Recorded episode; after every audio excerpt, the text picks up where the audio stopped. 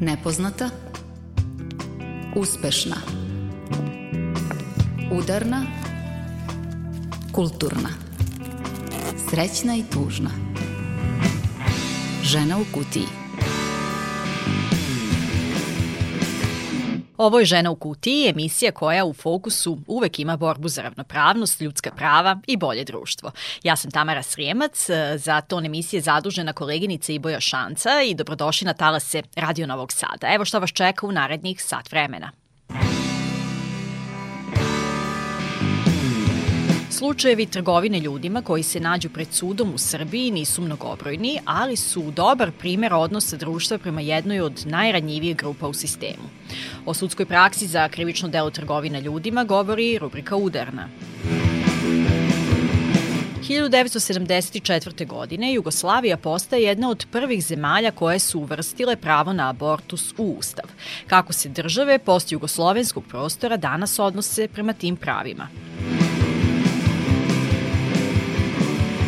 Grad žena, kako u prevodu zvuči naziv mesto žensk, već 29 godina doslovno okupira Ljubljanu, dovodeći umetnice i umetnike iz Slovenije, zemalja Balkana i celog sveta. Feminističku festivalsku atmosferu iz Ljubljane donosimo u rubrici Kulturna. Udarna žena u kutiji. Prošle sedmice, 18. oktobra, obeležen je Evropski dan borbe protiv trgovine ljudima. Organizacija Astra je predstavila nalaze analize o položaju i pravima žrtava u krivičnom postupku za period od 2018. do 2022. godine. U najkraćem, nalaz pokazuje da je sudska praksa za krivično delo trgovine ljudima uznemirujući odraz društva.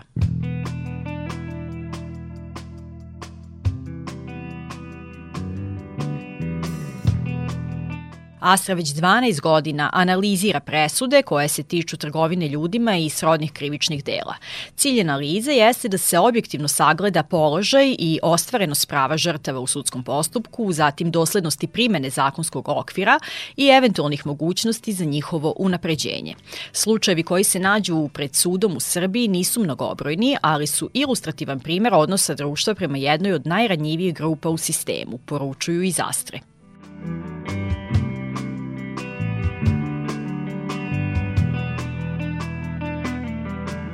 Zvanično je u Srbiji prošle godine identifikovano 62 žrtve trgovine ljudima.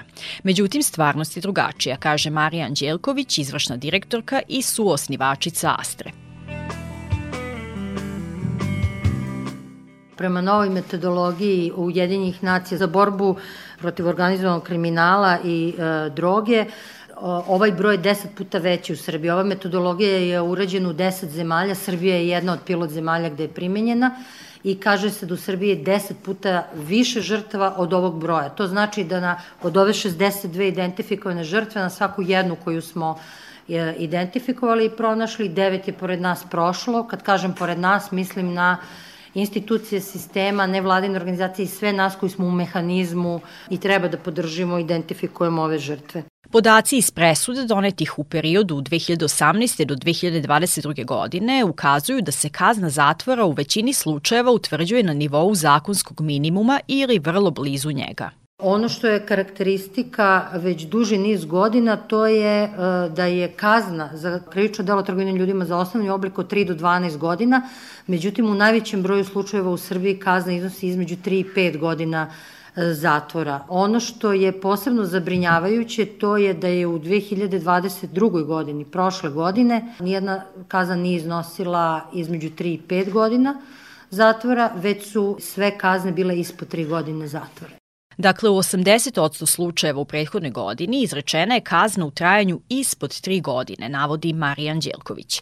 Trend koji se takođe ne menja jeste to da su oštećene u ogromnoj većini žene i devojčice i da je dominantna seksualna eksploatacija to nam govori jednu stvar, a to je da muškarci i dečaci nekako ne dolaze do sudskog postupka. Sledeće godine ćemo imati presudu, već, e, već sad znamo za jednu pravosnažnu presudu iz Niša, ove godine gde je oštećeni muškarac, ali znači prethodne tri godine u 100% slučajeva žene i devojčice i to da se radi recimo u 22. godini o 68% odraslih žena i 32% devojčica Ono na šta ukazuje sagovornici iz Astre kao posebno zabrinjavajući jeste činjenica da se broj presuda za trgovinu ljudima sveukupno smanjuje.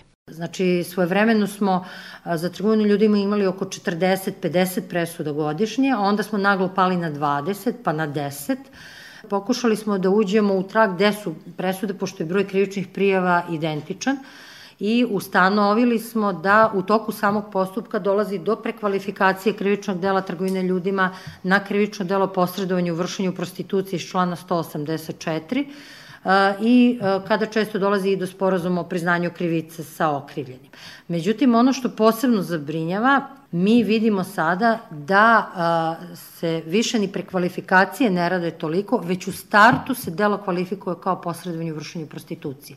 I to nam ukazuje na jedan jako ozbiljan problem, a to je da policija i tužilaštvo ne razumeju koliko je ovo krivično delo složeno, već vide određene elemente ovog krivičnog dela, kao što su seksualna eksploatacija ili iznuda ili prinuda, a ne kao jedno sveobuhvatno kompleksno delo koje je teško dokazati i na čemu treba raditi. U prošloj godini je tako u skoro 70% slučajeva optužnica u startu postavljena za krivično delo posredovanja u prostituciji, iako je reč o osobama koje su izvanično identifikovane kao žrtve trgovine ljudima. Na taj način žrtva nije više žrtva, žrtva je dobrovoljna prostitutka i ovo je jako ozbiljno u smislu ostvarivanja njenih prava, ali i u smislu toga da ako se zaista radi o žrtvama ovog ozbiljnog krivičnog dela, one se ne tretiraju na pravi način i ne pruža im se adekvatna podrška da ostvare svoje prava.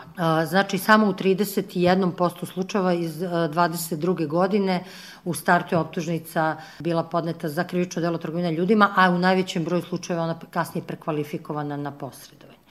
Što se tiče samog tretmana u toku sudskog postupka, analizom presuda uviđa se da se žrtvama status posebno osetljivog svedoka dodeljuje vrlo redko. Međutim, mi smo u saradnji sa vrhovnim tužilaštvom uradili jednu malo dublju analizu. Iz te analize se vidi da je skoro 50% oštećenih ipak dobilo status posebno osetljivog svedoka.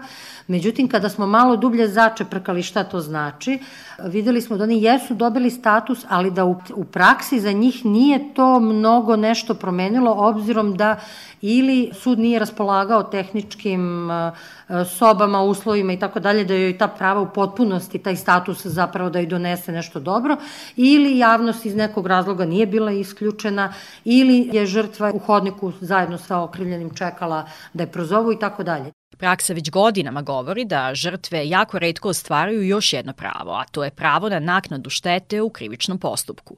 A u parničnom postupku za 23 godine svega dve žrtve su uspele da ostvare to pravo, kaže Marija Anđelković. Ono što bi rešilo u dobroj meri ovaj problem to je uvođenje fonda za kompenzaciju žrtvama nasilnih krivičnih dela koji već godinama zagovaramo, međutim iz nekog razloga se ne uvodi, iako postoji e, studija izvodljivosti koja govori o tome da ne bi bilo potrebno mnogo novca da se takav fond formira i puni iz različitih izvora, osiguranja, e, oduzete imovine e, od kriminala i tako dalje.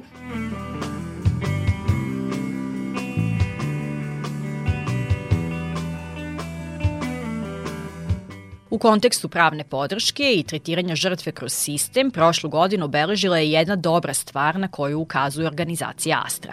A to je prva ustavna odluka koja se tiče trgovine ljudima. Reč je o sudskoj odluci u vezi sa seksualnom eksploatacijom devojčice koja je bila Astrina klijentkinja i koja se zajedno sa timom advokata te organizacije odlučila na ustavnu žalbu. Ustavna žalba je doneta, povređeno je pravo na zabranu trgovine ljudima kao i pravo na suđenje u razumnom roku. O tom slučaju organizacija Astra napravila je dokumentarni film 20 godina borbe u kojem na samom početku Astrina klijentkinja preživela, čita presudu Ustavnog suda. Ustavni sud prilikom razmatranja osnovanosti navoda o povredi zabrane svih oblika trgovine ljudima polazi od konstatacije da je trgovina ljudima modern vid robstva i da je kao takva suprotna principu humanosti da vređa ljudsko dostojanstvo i fundamentalne vrednosti na kojima počiva civilizovano demokratsko društvo. Iako je krivično-pravni aspekt najvažniji aspekt sprovođenja ustavno-pravne zabrane trgovine ljudima, on nije jedini. Niz međunarodnih instrumenta tvori pravni okvir kojim se propisuju pozitivne obaveze države u odnosu na zabranu trgovine ljudima, kako u odnosu na izvršioce trgovine ljudima, tako i u odnosu na žrtve trgovine ljudima.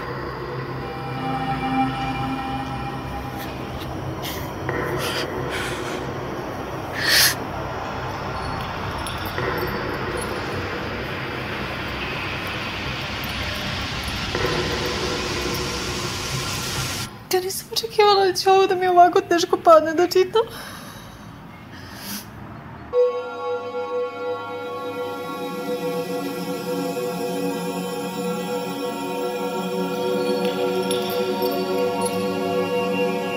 Ustavnoj presudi za dokumentarni film koji je nastao u okviru projekta 20 godina borbe protiv trgovine ljudima, 20 godina borbe za ljude, govore Tijana Kostić, advokatica i dugogodišnja saradnica Astre, kao i Milan Žarković, redovni profesor Kriminalističkog policijskog univerziteta u Beogradu. Za oštećenu sigurno najveći problem je bila njena izloženost sekundarnoj viktimizaciji, Um, a za mene kao punomoćnika teškoća je upravo bila u spojčavanju uh, da kontinuirano dolazi do te sekundarne viktimizacije, a s druge strane problem je bio i na koji način zapravo ostvariti sva ona prava koje po zakonniku o krivičnom postupku pripadaju. Uh, I u tom smislu ja sam zaista koristila sve dostupne mehanizme koje taj zakonnik uh, pruža meni kao punomoćniku.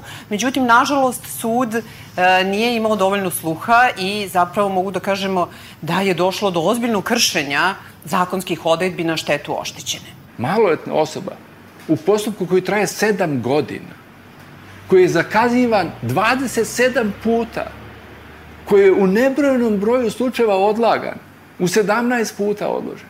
Ali i tih 17 puta žrtva je došla i pristupila glavnom predu. Ali to za nju nije odlazak u prodavnicu. To je odlazak koji u njoj podrazumeva jedno osjećanje kontakta sa svojim učiteljima. I koje kod nje, a to je i veštak rekao u svom nalazu i mišljenju, dodatno je traumatizuje. Ona je pod uticajem posttraumatskog stresnog sindroma. I sud koji ima prema međunarodnim dokumentima, koje mora da primenjuje, je imao obavezu da je zaštiti. To sud nije uradio ni jednom momentu. Ni sud, ni tužilac.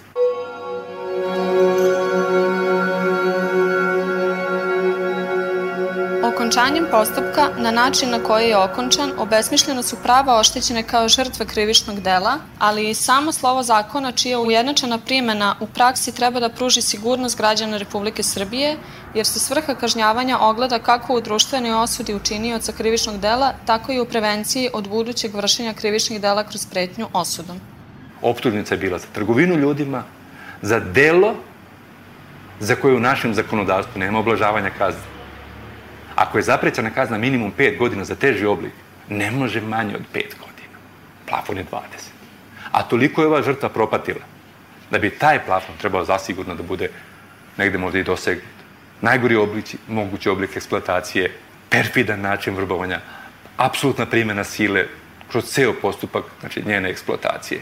S jedne strane imate dete i ovde imate troju odraslih ljudi koji zarad dobiti uništavaju njen život ono što je trebalo da se uredi, a gde je ozbiljan propust suda, jeste da o, oštećena praktično nije imala mogućnost da preuzme krivično gonjenje od javnog tužioca. Već je došlo do obustave krivičnog postupka na osnovu same činjenice da je tužilac u fazi glavnog pretajsa nakon sedam godina suđenja Nakon promene nekoliko sudija, nekoliko tužilaca, u momentu kada u odnosu na poslednje suđenje, koje je održano recimo dve godine pre toga, nije izveden jedan jedini dokaz, ona odluči da izvrši prekvalifikaciju krivičnog dela.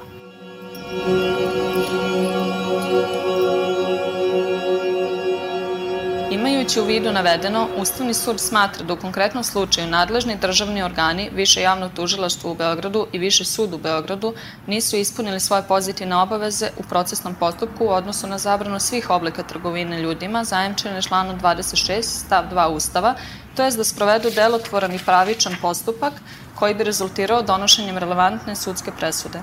Stoga je Ustavni sud utvrdio da je podnositeljki i u ovom aspektu povređeno pravo iz člana 26 stav 2 Ustava, te je usvojio ustavnu žalbu. Marija Anđelković, izvršna direktorka i suosnivačica Astre i u filmu komentariše tu presudu. Odluka Ustavnog suda iz marta 2021. godine e, na jedan simboličan način predstavlja sve ono što smo mi radile 20 godina. Znači sve ono što smo kritikovale, čime smo bile nezadovoljne, sada paradoksalno u toj odluci pominje jedan državni organ i to ne bilo koji nego najviši organ ove zemlje. Mi redko zastanemo da se osvrnemo iza sebe i da vidimo šta smo postigli, šta smo uradili, zato su jako važne te prekretnice neke u radu, jer u protivnom to je jedan perpetuum mobile, jedan beskonačan posao, nikad kraja ko dovodi i do iscrpljivanja i do sagorevanja i zato su te prekretnice važne. I ova odluka Ustavnog suda je definitivno jedna takva prekretnica. Meni je konkretno drago što u ovom slučaju naše sudije Ustavnog suda su prepoznale problem i rešile da to bude u okviru našeg pravnog sistema ocenjeno kao nezakonito, jedno nezakonito postupanje od strane suda i tužioca i da na kraju krajeva oštećenoj bude data e, nadoknada štete na koju inače ima pravo po zakoniku o krivičnom postupku, a što do danas nije našlo svoju primjenu u praksi, ne samo u ovom slučaju, nego i svi drugim slučajevima. Svi dokumenti koje smo ratifikovali, koji su deo naše pravnog sistema, nas obavezuju da postupa prilagodimo i vodimo u interesu deteta. To je ova žrtva, a postupak je trajao sedam godina. I to je nešto, prilike, zašto država mora da plati. Ali država ne plaća za ono što su radili izvršioci. Ne, ni u jednom ni u drugom slučaju. Nego država plaća za ono što nisu uradili ili što su pogrešno uradili njeni organi, sud i tužilaštvo reakcija naših kolega iz Evrope koji su naročito pozitivno odreagovali na poslednji pasus u toj odluci koji govori o kompenzaciji žrtvi, znajući koliko je teško da žrtva, kako u Srbiji, tako i u ostalim zemljama, dođe do kompenzacije. I na kraju, e, reakcija te mlade žene koja je pretrpela stravičnu nepravdu, prvo od trgovca, onda od samog sistema, e, koja kada smo joj saopštili da je odluka doneta u njenu korist i kada smo e, joj rekli kako glasi ta odluka, zapravo u jednoj jako emotivnoj reakciji pokazala jednu apsolutnu svesnost da ta odluka prevazilazi nju kao individu i da se tiče svih onih žena i devojčica koje će se naći u istoj situaciji u kojoj se ona našla.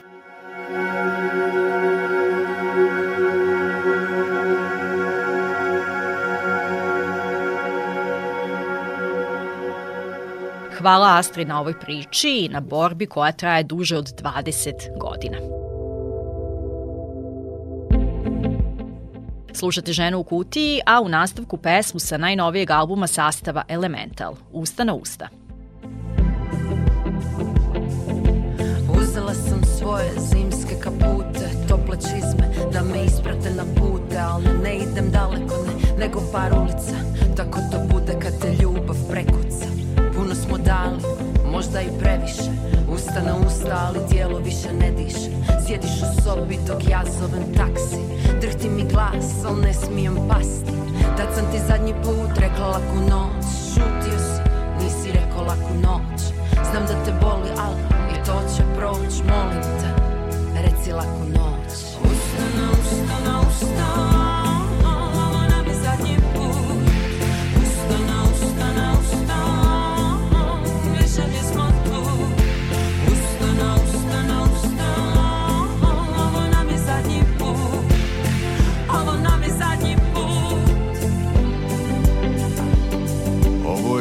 već koji Presto sam više ne brojim. Umoran sam od toga da svaki put se bojim. Da li je to to, je li ovo finalni raspad? Svađe i napetost traju ko zna više otkad.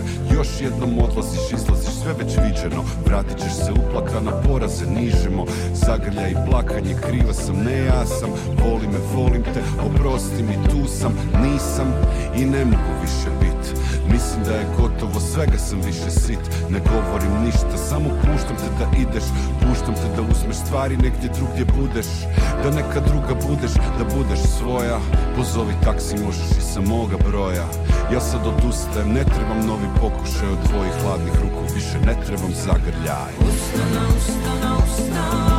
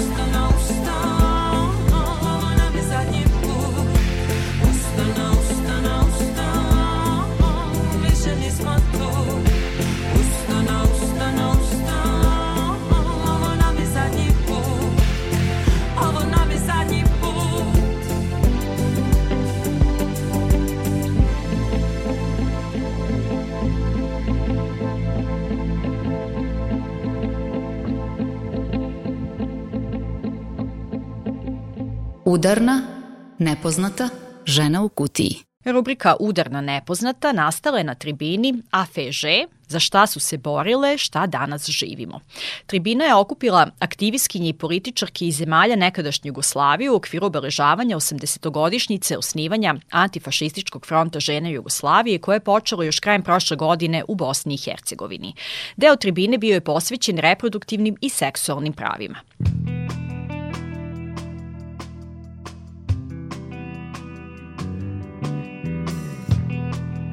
U Jugoslaviji se zvanična odluka o pobačaju donosi 20. godina i tada je prvi put zakonski regulisano pravo na abortu samo u nekim određenim slučajevima.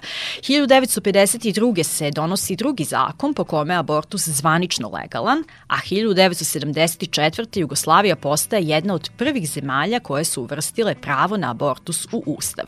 Kako se danas odnosimo prema tim tekovinama AFŽ-a?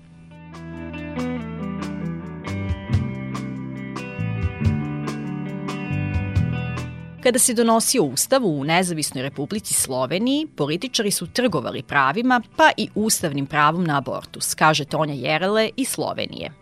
Protesti koji su usledili doveli su do toga da Slovenija postane zemlja sa relativno dobro uređenim područjem reproduktivnih prava. Međutim, istorija nezavisne Slovenije takođe je i istorija pokušaja ograničavanja seksualnih reproduktivnih prava, kaže naša sagovornica iz te zemlje. I tako to svakih nekoliko godina ide neki novi pokušaj, ali ti možeš ograničiti, ograničiti um, uh, dostupnost prava ne samo time da što menja zakon, nego što menja menjaš kako može neko pristupati do toga. I tako mi kroz godine uvek imamo neke pokušaje, e, možda bi splav uzeli van iz uh, obaveznog uh, osiguranja, uh, pa onda um, ograničenja koliko možeš imati besplatnih abortusa, znači nakon trećeg, e, jevi ga plaće. Koga to ograničuje? Žene koje nemaju. Isto tako s time što ne pružaš usluge. Znači sada da nazvamo smo u situaciji gde više od 200.000 žena nema ginekologa. Nam se čini naša situacija sasvim ok, jer ne znamo. Mi nemamo podatke, mi ne pravimo istraživanja. Kako mogu, ne znam, žene sa hendikepom da dostupaju do, um, do ginekologa ili uh, kako, kako žene koje nemaju zdravstveno osiguranje. Znači mi sad kažemo 200.000, to su 200.000 koji imaju osiguranje Šta je s tima koje nemaju? To su migrantke, to su romkinje. I na takav način, to, tom pasivnošću a, a, i tom nepažnjom, suštinski mi gubimo ta prava malo, malo po malo. Veliki je broj organizacija u toj zemlji koje se zalažu za ukidanje abortusa, a koje podupire crkva. Takođe i politička partija koja je bila u prošlom sazivu vlasti ima ograničenje reproduktivnih prava u svojoj agendi. Podsjeća Tonja Jerele i zato je, kako kaže, važno da imamo na umu da jednom stečena prava jako lako možemo izgubiti.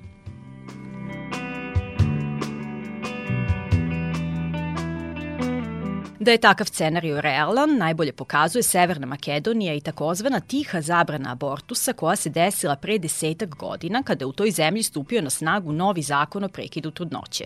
Da podsjetimo, Sobranje je sredinom 2013. godine usvojilo zakon ubrzanim postupkom i bez javne debate.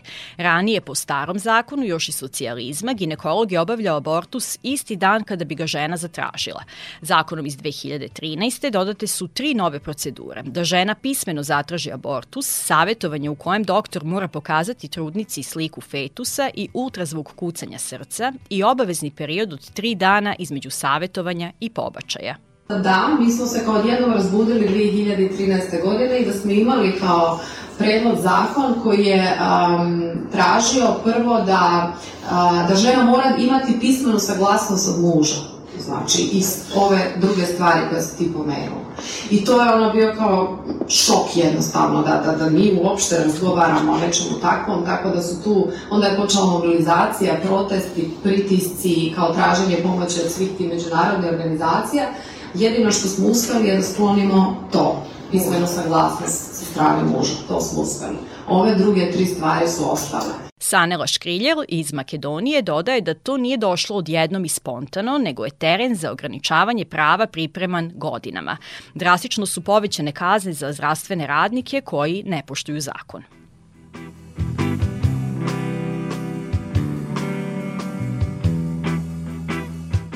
Aktivistkinje političarke u Severnoj Makedoniji uspele su da se izbore za novi zakon posle promene vlasti 2019.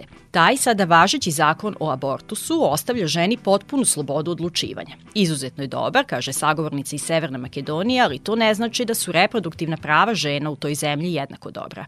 Recimo mi kao država nemamo ni jedno a, kontraceptivno sredstvo na pozitivnoj listi, to nam je, mislim da smo jedna od rijetkih država što to još uvijek nema. A, isto tu je i problem a, pristupa tim uslugama a, a, u ruralnim sredinama, žene romkinje, da ne govorimo o tome da smo jedna država koja ima najveću maloletničku bremenost, a, a još uvek nismo uveli za seksualno obrazovanje, jer s druge strane te kontragrupe postaju sve jače i jače. Kontragrupe uvek jačaju sa desnicom na vlasti, dodaju naše sagovornice.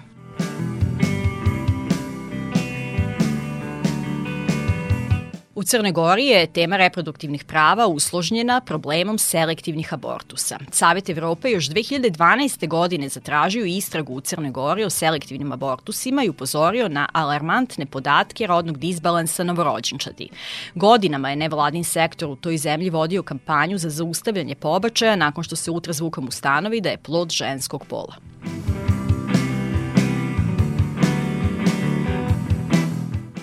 Danas je u Crnoj Gori vrlo aktuelno uplitanje crkve u prava na prekid trudnoće. Nađa Bobičić taj problem ilustruje primjerom emisije na televiziji sa nacionalnom pokrivenošću u kojoj se vodi debata na temu ograničavanja reproduktivnih i seksualnih prava.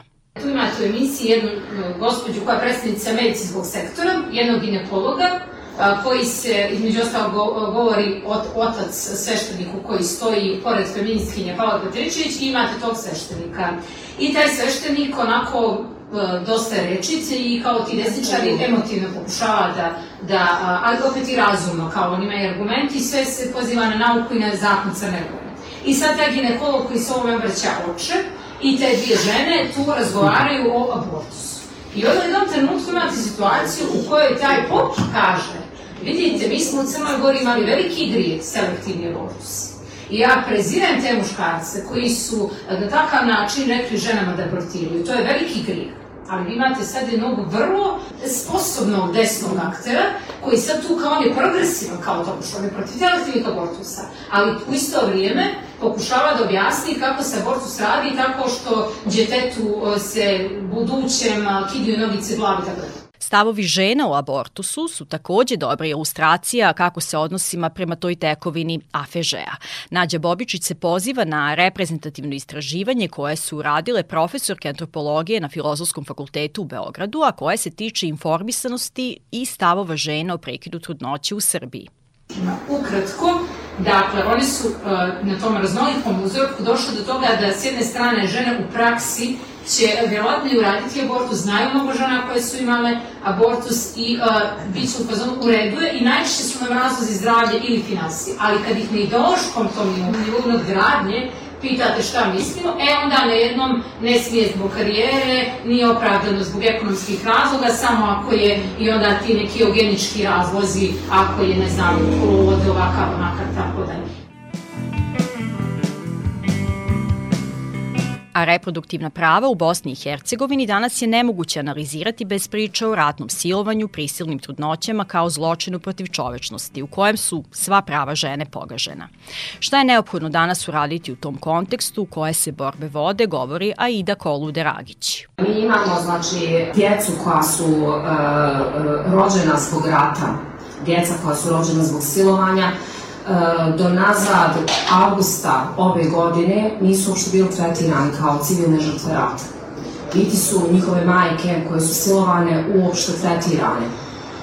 E, to su strašne zaista stvari, to su te nevidljiva diskriminacija koja se već tri decenije ovaj, na snazi. U mnogim tim nekim diskusijama te žene, ovaj, kada su im predočeno da, da nemaju, da su obespravljene, da apsolutno da, da se nije ne tretiraju, onda su pitale ovaj, e, da li to znači da mi sve trebamo da otkinemo ruku, nogu, da budemo invalidi, da budemo priznati kao takvi, zašto naša duševna bol ne ulazi ovaj, u taj segment. U aneks zakona o civilnim žrtvama rata sada su uvrštena i deca rođena kao posledica silovanja, ali to je samo priznanje njihovog statusa, ne i prava, upozorava Aida Kolude-Ragić. Recimo, oni nemaju pravo besplatna pravna pomoć, besplatna psihološka pomoć, dokvalifikacija znanja, stambeno osvednjavanje. Znači, to su sve realni problemi koji oni apsolutno nemaju pristupa, niti su tretirani, ni ovaj, se uh, vode kao, kao neko ko, ko spada u ovu kategoriju.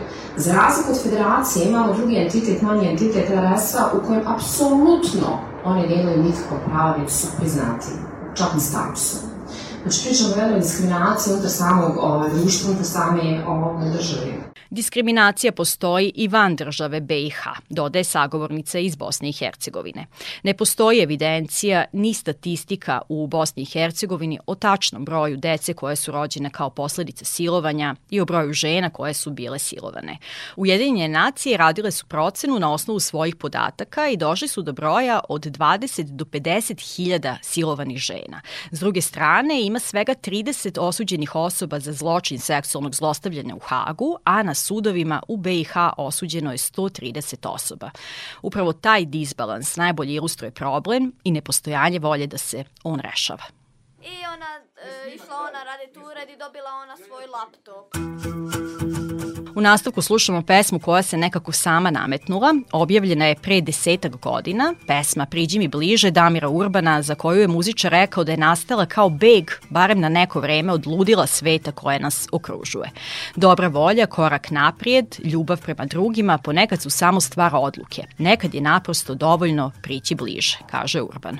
Priđi mi bliže, oh, priđi mi bliže, ne se, zaustavi šum u glavi, otjeraj loše stvari, napravi red u mislima, ruke zamijeni krilima.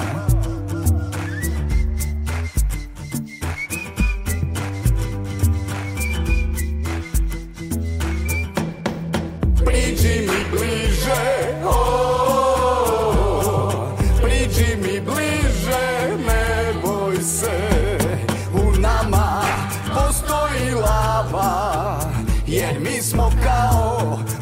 vulkan što spava.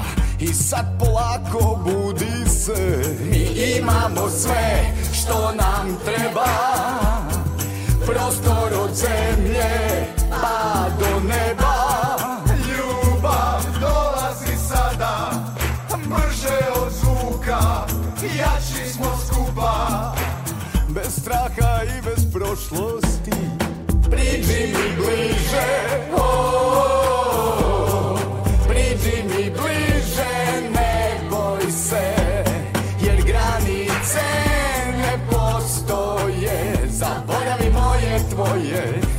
sve zastave i boje, od sada odlaze u dim. Mi imamo sve što nam treba, prostor od zemlje pa do neba.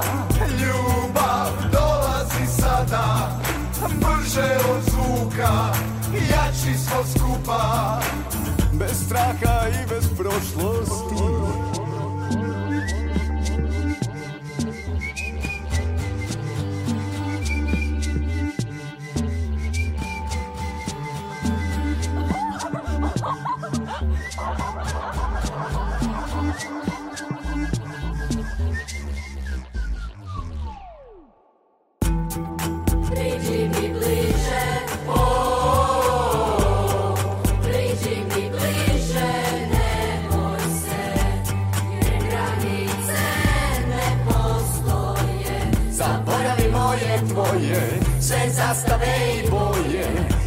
Svake mržnje slobodni.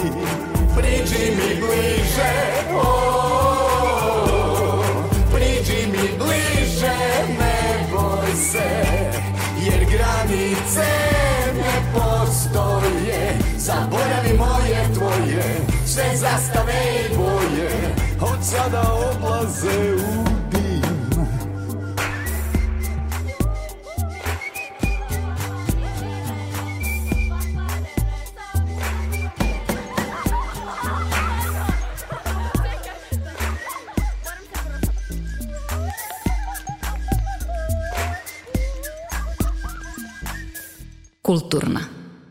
Kulturna.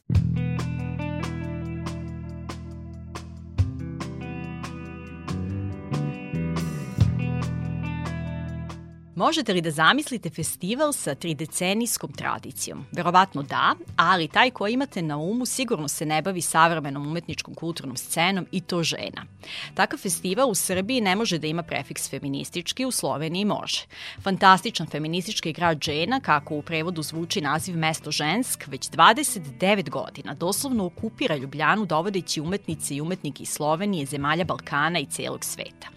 Ove godine festival je ispratila od A do Š najnovija ljubljančaka naša Milica Kravićak Summit. Lokalni bioskopi, pozorišne i plesačke scene, galerijski prostori, svi su tokom prve polovina oktobra bili u znaku žena, tačnije ženskog otpora, koji je ove godine moto feminističkog festivala Mesto žensk u Ljubljani.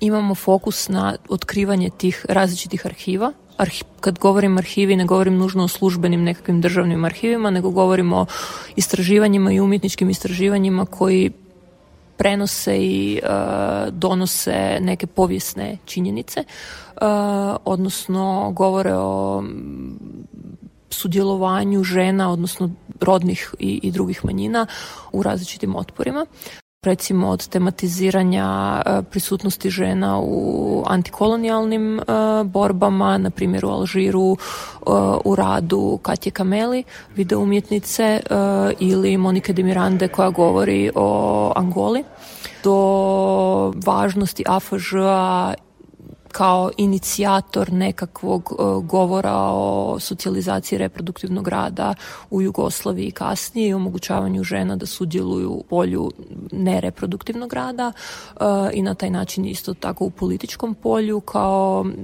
važnim povijestima koje su nekako od 90-ih dalje u biti brisane i recimo neke povijesti u kojima ne čujemo, a važne bi bile i za razumijevanje vlastite pozicije danas.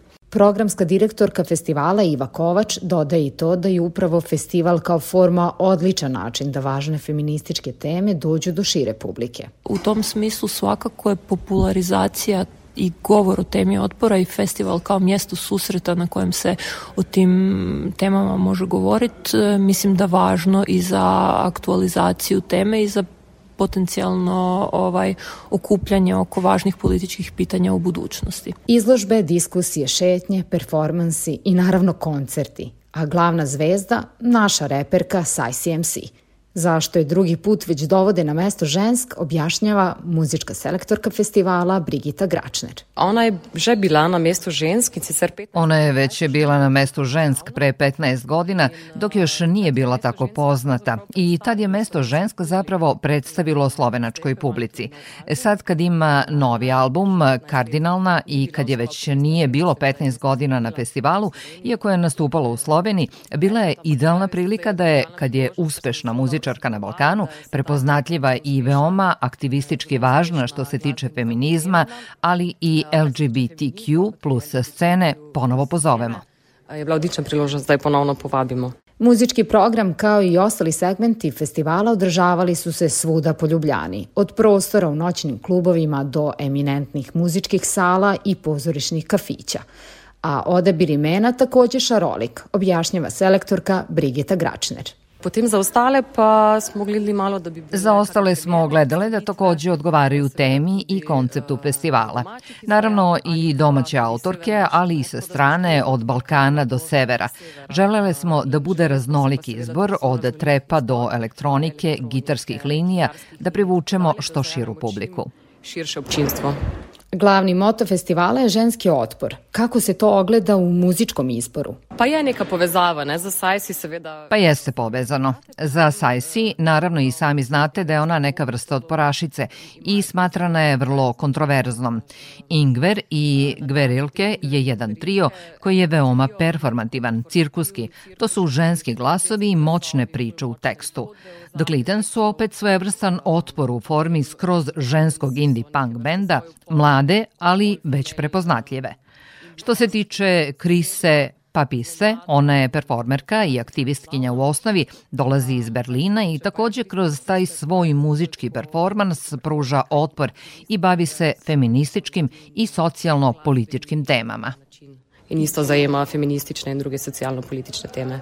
Otpor i to nametnutim patrijarhalnim normama pružan je i kroz filmove na festivalu, koje je selektovala Sara Šabec. Ja, filme smo izbirali u bistvu tku da... Da, filmove smo birali na taj način da prostor dobiju i slovenačke autorke koje filmove povezuju sa temom otpora otpor i u kontekstu ženskog tela, slobode, autonomije, ali i u odnosu na društveni sistem sa aktualnim političkim situacijama.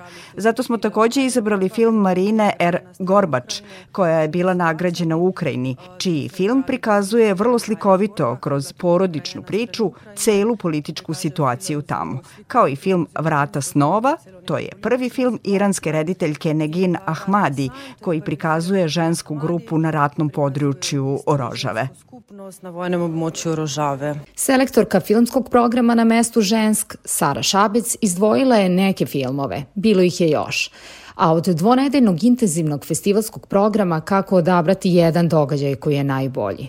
Nije to mogla da uradi ni publika, pa su se ista lica pojavljivala na različitim događajima. Niti to mogu da učinim ja, ali me veče kratkog savremenog filma bosanskih autorki ostavio bez teksta. Tu su mlade še ne uveljavljene. To su mlade, još neafirmisane bosanske režiserke. Nekima su to prvi filmovi. U pitanju su kratki filmovi, veoma različiti, animirani, dokumentarni, igrani i prikazuju odnose žena prema ženama prikazuje odnos ženske do ženske. E to mi je zanimljivo, zakaj Bosna, zakaj mm. bosanske rediteljke, zakaj to? Ne vem, mogoče je čist nek... Ne znam, možda neki afinitet prema Balkanu, neka jugonostalgija koja je u mestu žensk veoma prisutna zmeri prisutna.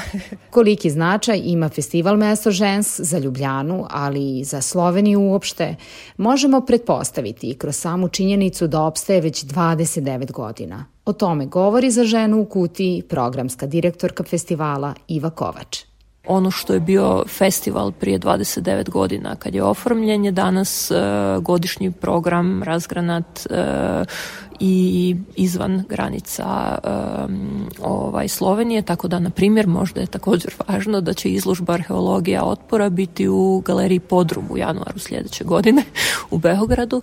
Zvuči neverovatno da skoro 30 godina postoji feministički festival koji je naravno sad jako velika, značajna, važna feministička organizacija. Meni to zvuči neverovatno. Da, također. Zato dolazimo iz sredinu kojima to očigledno i dalje nije moguće.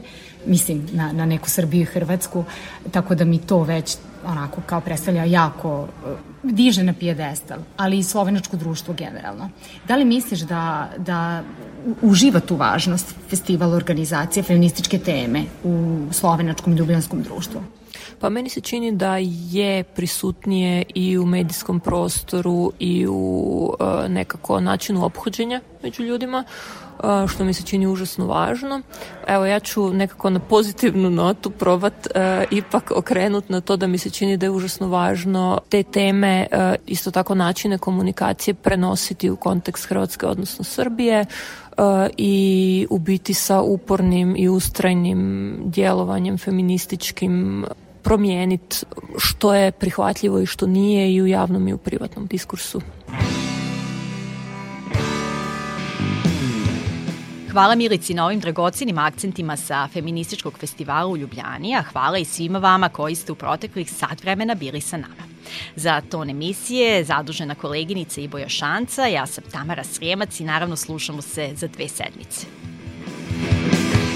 Muzički pozdrav stiže u vidu tek objavljene pesme Noć Ane Avramov. U opisu pesme stoji da su marta 2020. počele pripreme za snimanje njenog novog albuma. I to je trebao biti muzičarki na oproštaj od Beograda i prvi pozdrav Berlinu. Međutim, korona karantin je pokosio sve i, kako kaže Ana Avramov, ostali smo samo ja, moja akustična gitara i iPhone nasukani u Berlinu. Noć je prva od pesama koje sam snimala isključivo na iPhoneu. Jedna žena, jedan iPhone jedna osoba za sve žene koje čekaju.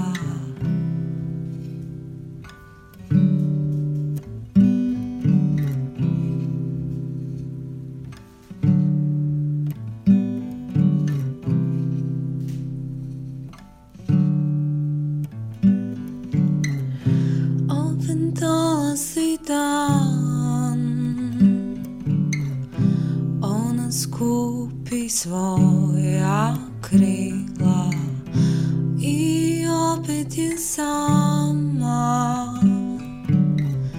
Opet dolazi noć, ona se skreće